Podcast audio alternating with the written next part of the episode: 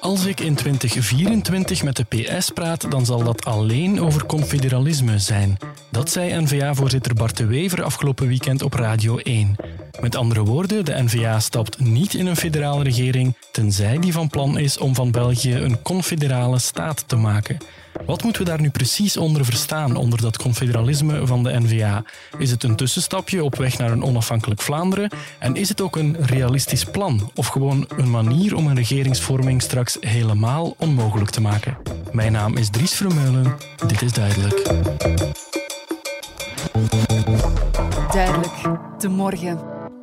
Het is nu confederalisme of niets. Ik vrees dat anders de welvaart in 29 volledig verdwenen zal zijn, ook uit Vlaanderen. Ik ben er al van overtuigd dat ook deze hervorming, het confederalisme, er zal moeten doorkomen. U stemt voor de Vivaldisten, u stemt voor uw eigen ondergang, u stemt voor mij, dan neemt u een risico, maar ik wil een turnaround maken. Bij mij aan tafel zit Dave Sinarde, professor politieke wetenschappen aan de VUB en columnist ook bij onze krant bij De Morgen.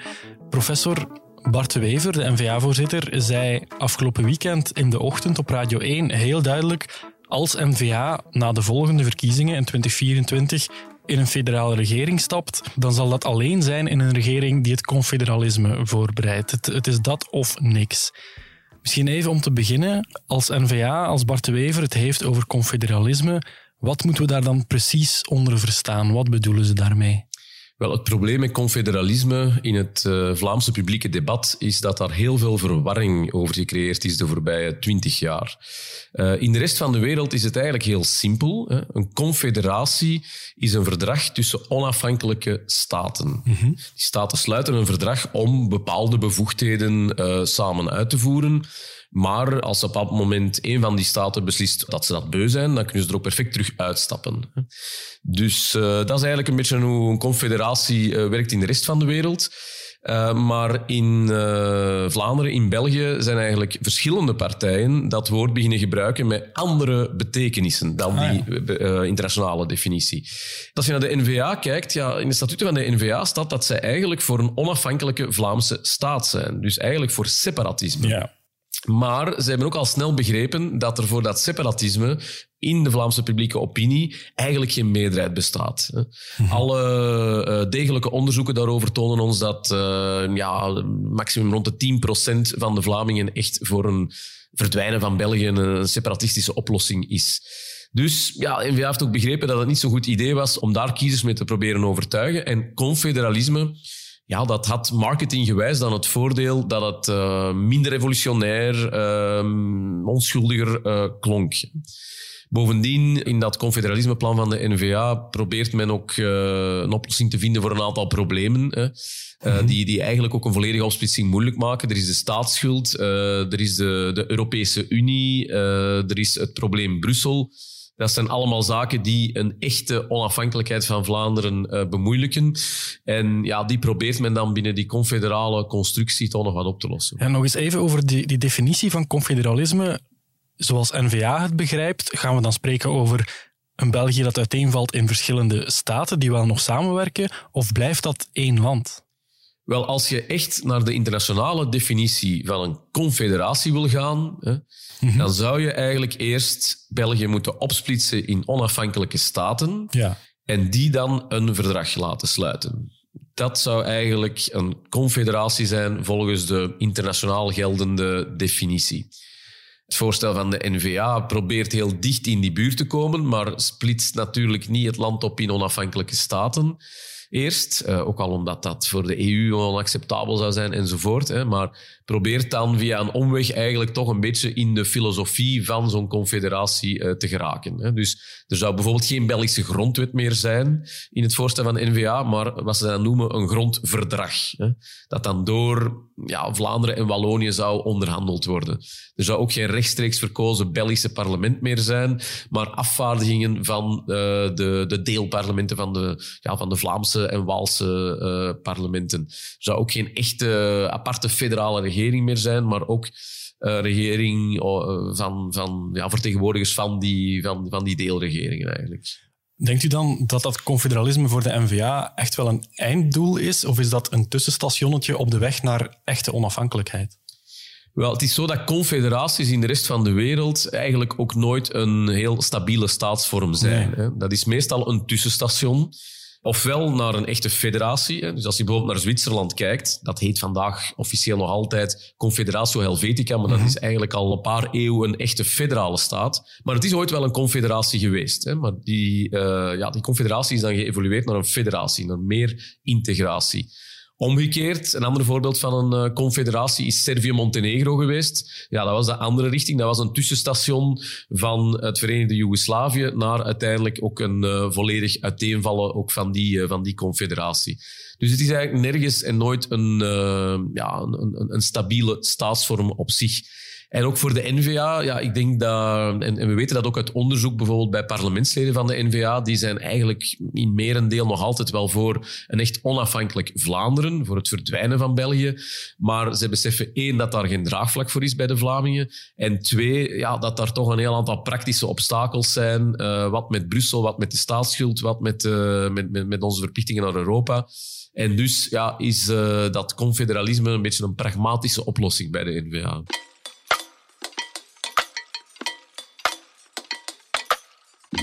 Belgische begroting is structureel ongezond. Dus dat wil zeggen, je zit met de hoogste lasten al van de wereld op mensen. Je zit uh, op uitgaven waar je niks meer kan doen. En je zit met een begroting die de allerslechtste is en die alleen maar slechter wordt. Ik denk niet dat dat nog in een federale context op te lossen is. Het zijn geen makkelijke tijden voor de federale regering. Vivaldi kreeg al met allerlei crisissen te maken en deze maand ging de regering tot twee keer toe met de billen bloot omdat N-VA fouten had ontdekt in de federale begroting. Met het ontslag van staatssecretaris Eva de Bleker als gevolg, dat herinnert u zich nog. Het is dan ook geen toeval dat Bart de Wever net nu opnieuw op die nagel van het confederalisme klopt, zegt Bart Eekhout, hoofdcommentator bij De Morgen. Het loopt niet helemaal lekker in de federale regering, om het eh, heel voorzichtig uit te drukken. Dat is al een tijdje zo. Dat heeft mee natuurlijk te maken met de geschiedenis van opeenvolgende crisis die ja, eigenlijk de regering ertoe dwingen om alleen maar met crisisbeheer bezig te zijn. Maar dan nog gaat het uh, uh, ja, toch heel erg moeizaam in die regering. En dat is tot een kookpunt gekomen bij het ontslag van de staatssecretaris voor begroting omdat juist die begroting natuurlijk het, het manke been is van deze regering. De tekort en de schuld lopen echt eh, de spuigaten uit. Ja, en daarover zegt Bart de Wever, dat kunnen we federaal eigenlijk niet meer oplossen. Dat moet ieder voor zich gaan doen in een confederatie. Doet Vlaanderen het qua begroting dan zoveel beter dan het federale niveau? Ja, toch wel. Uh, ze hebben het ook niet makkelijk. En uh, zij zouden wellicht ook beter kunnen doen dan ze nu doen.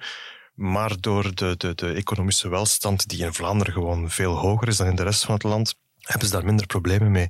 Andere gemeenschappen en gewesten van dit land zitten echt wel in, in heel moeilijke papieren. Uh, je zou kunnen denken van, stel dat Vlaanderen en Wallonië en Brussel nu al aparte staten zouden zijn, mhm. dan, dan, dan zou Wallonië uh, een heel, heel, heel moeilijk verhaal hebben tegenover de internationale financiële wereld.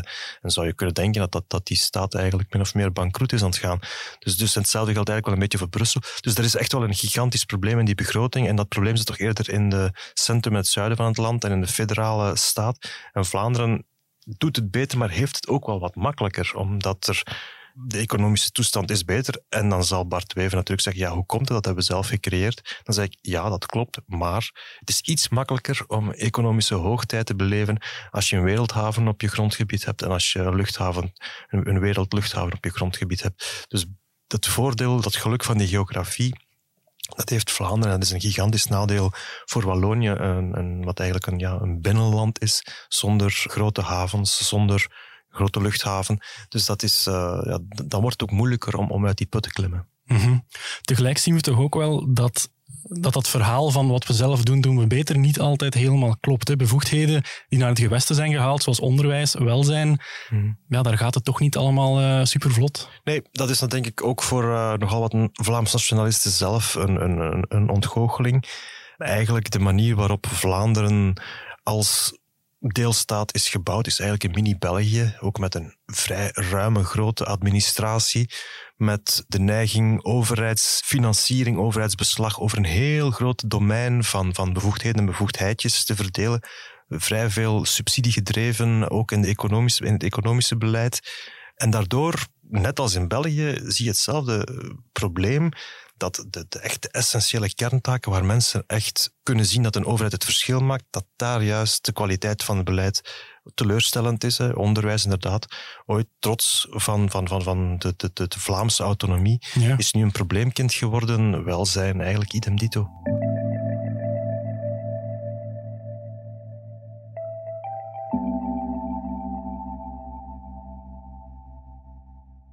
Van België een confederatie maken, is dat nu een realistisch plan of niet? Dat heel wat bevoegdheden, zoals dus bijvoorbeeld onderwijs en welzijn, maar ook economie, werkgelegenheid en energie, geheel of gedeeltelijk overgeheveld zijn naar de gemeenschappen en gewesten, is een gevolg van alle staatshervormingen die ons land sinds 1970 heeft gekend. Het confederalisme wordt door N-VA voorgesteld als een oplossing voor heel wat complexe problemen, maar het is, zo zegt Dave Sinarde, in essentie opnieuw een staatshervorming. En daar komt heel wat bij kijken.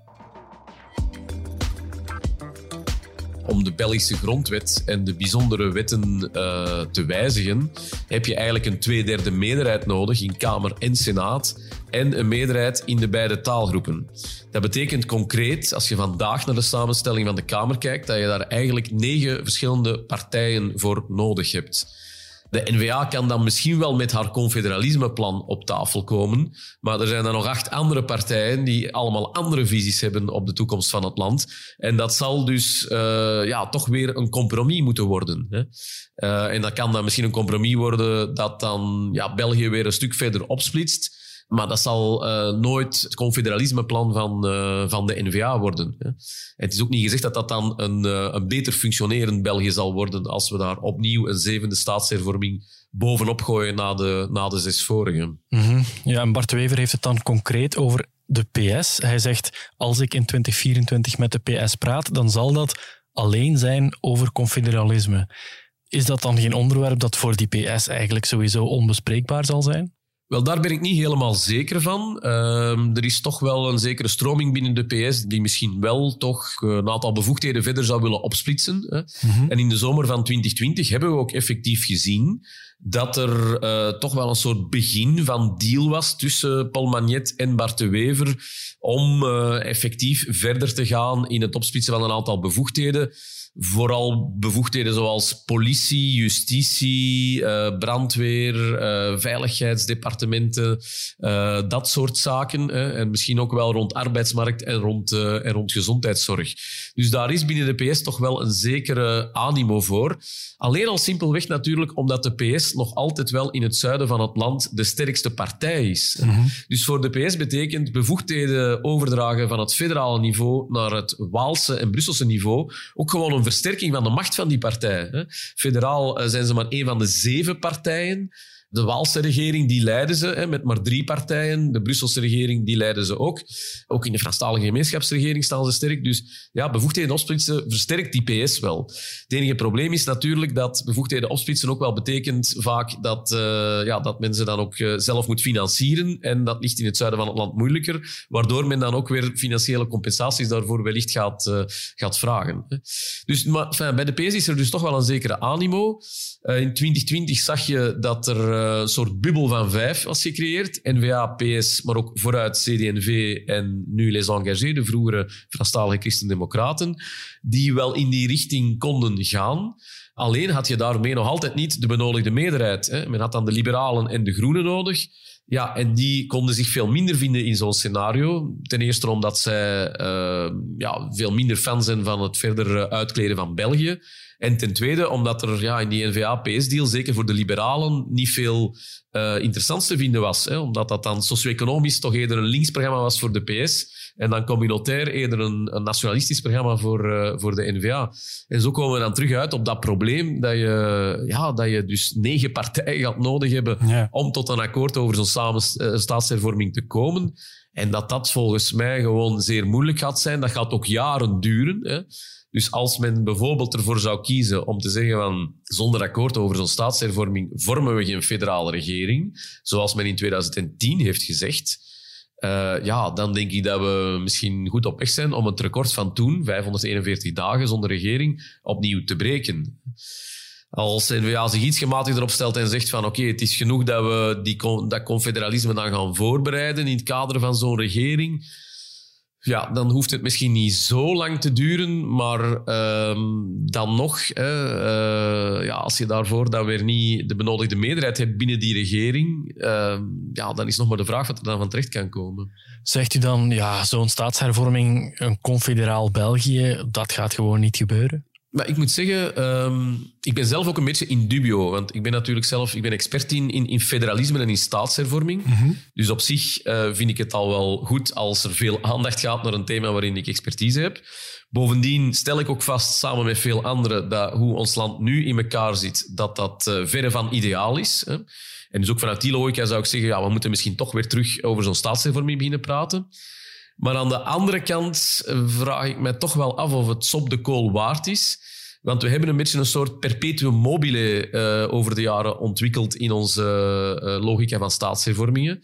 We stellen allemaal vast, uh, België is te complex, te inefficiënt. niemand weet nog goed hoe het precies in elkaar zit en wie voor wat bevoegd is. Dus we moeten daar iets aan doen. Wat is de oplossing? Een grote nieuwe staatshervorming. Noem het dan confederalisme, whatever, staatshervorming. Oké, dan gaat daar jarenlang alle politieke aandacht uh, naartoe. Hè. Uh, uh, regeringen worden niet gevormd, andere regeringen vallen, crisissen enzovoort. jarenlang alle aandacht op die staatshervorming. Dan is er eindelijk, oef, een grote nieuwe staatshervorming. En wat stellen we dan al heel snel weer terug allemaal vast? Oei, nu is het eigenlijk nog complexer geworden. Nu is het eigenlijk nog minder efficiënt. Nu zijn er nog minder mensen die exact weten wie voor wat bevoegd is. Wat is de oplossing? Een grote nieuwe staatshervorming. en zo zijn we weer terug vertrokken. Ja, ik zou niet weten eigenlijk waarom, als men nu terug een staatshervorming zou onderhandelen met negen partijen wellicht, hè, waarom dat dat dan tot een uh, coherenter, minder versnipperd resultaat zou leiden. Want al die partijen hebben hun eigen verschillende visies, hun eigen verschillende belangen, waartussen je een compromis zal moeten vinden. Dus, dus ik, ik, ik, ik ben er heel sceptisch over dat een zevende staatshervorming plots, uh, ja, plots, plots een soort bestuurlijk walhalla zal, zal, zal opleveren, terwijl dat de vorige zes keren dan, uh, dan niet gelukt is.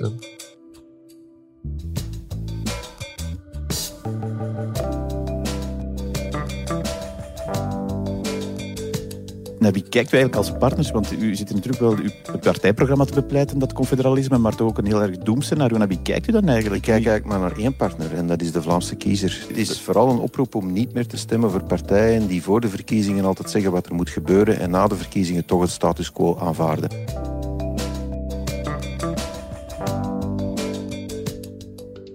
Bart, als Bart de Wever zegt de N-VA stapt in 2024 niet mee in een federale regering zonder dat confederalisme, zegt hij dat dan eigenlijk goed wetende dat hij daar nooit een coalitie voor gaat vinden?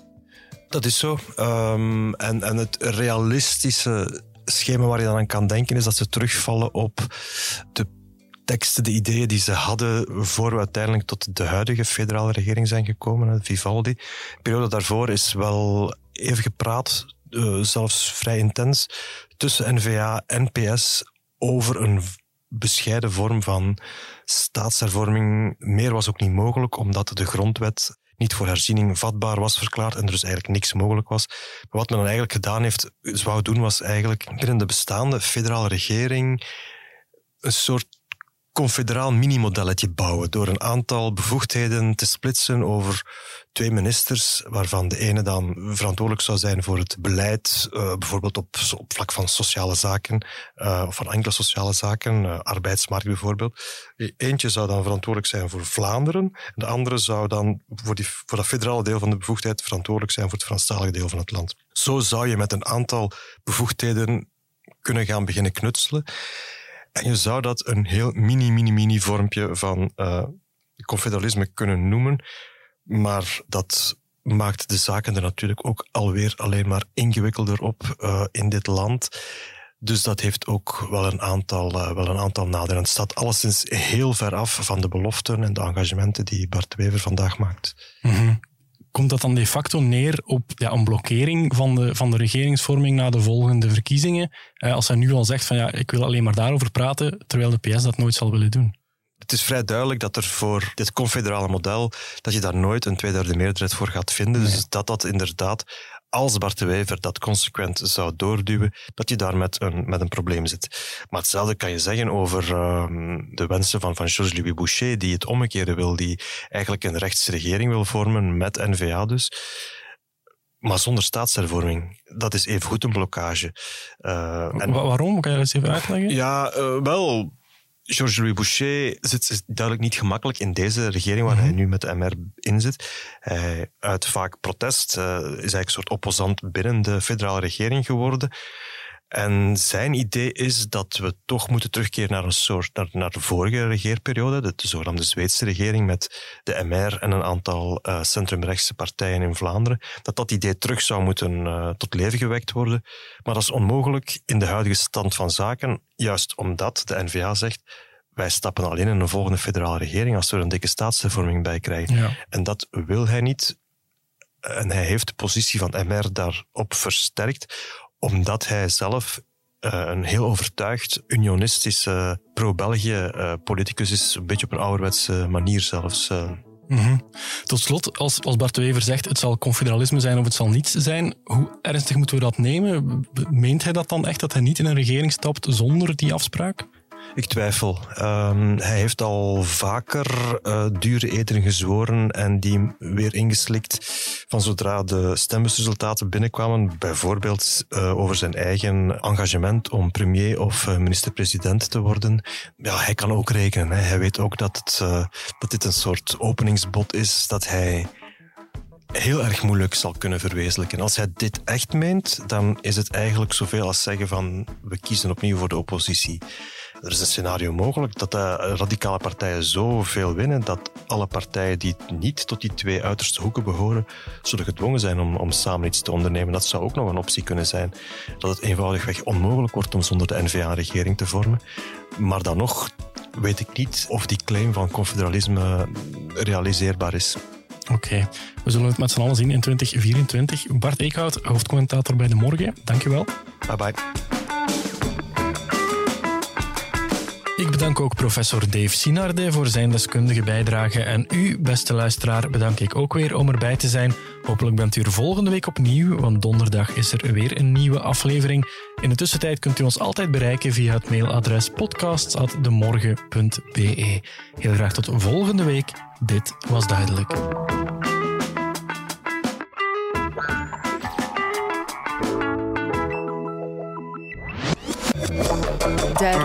De morgen.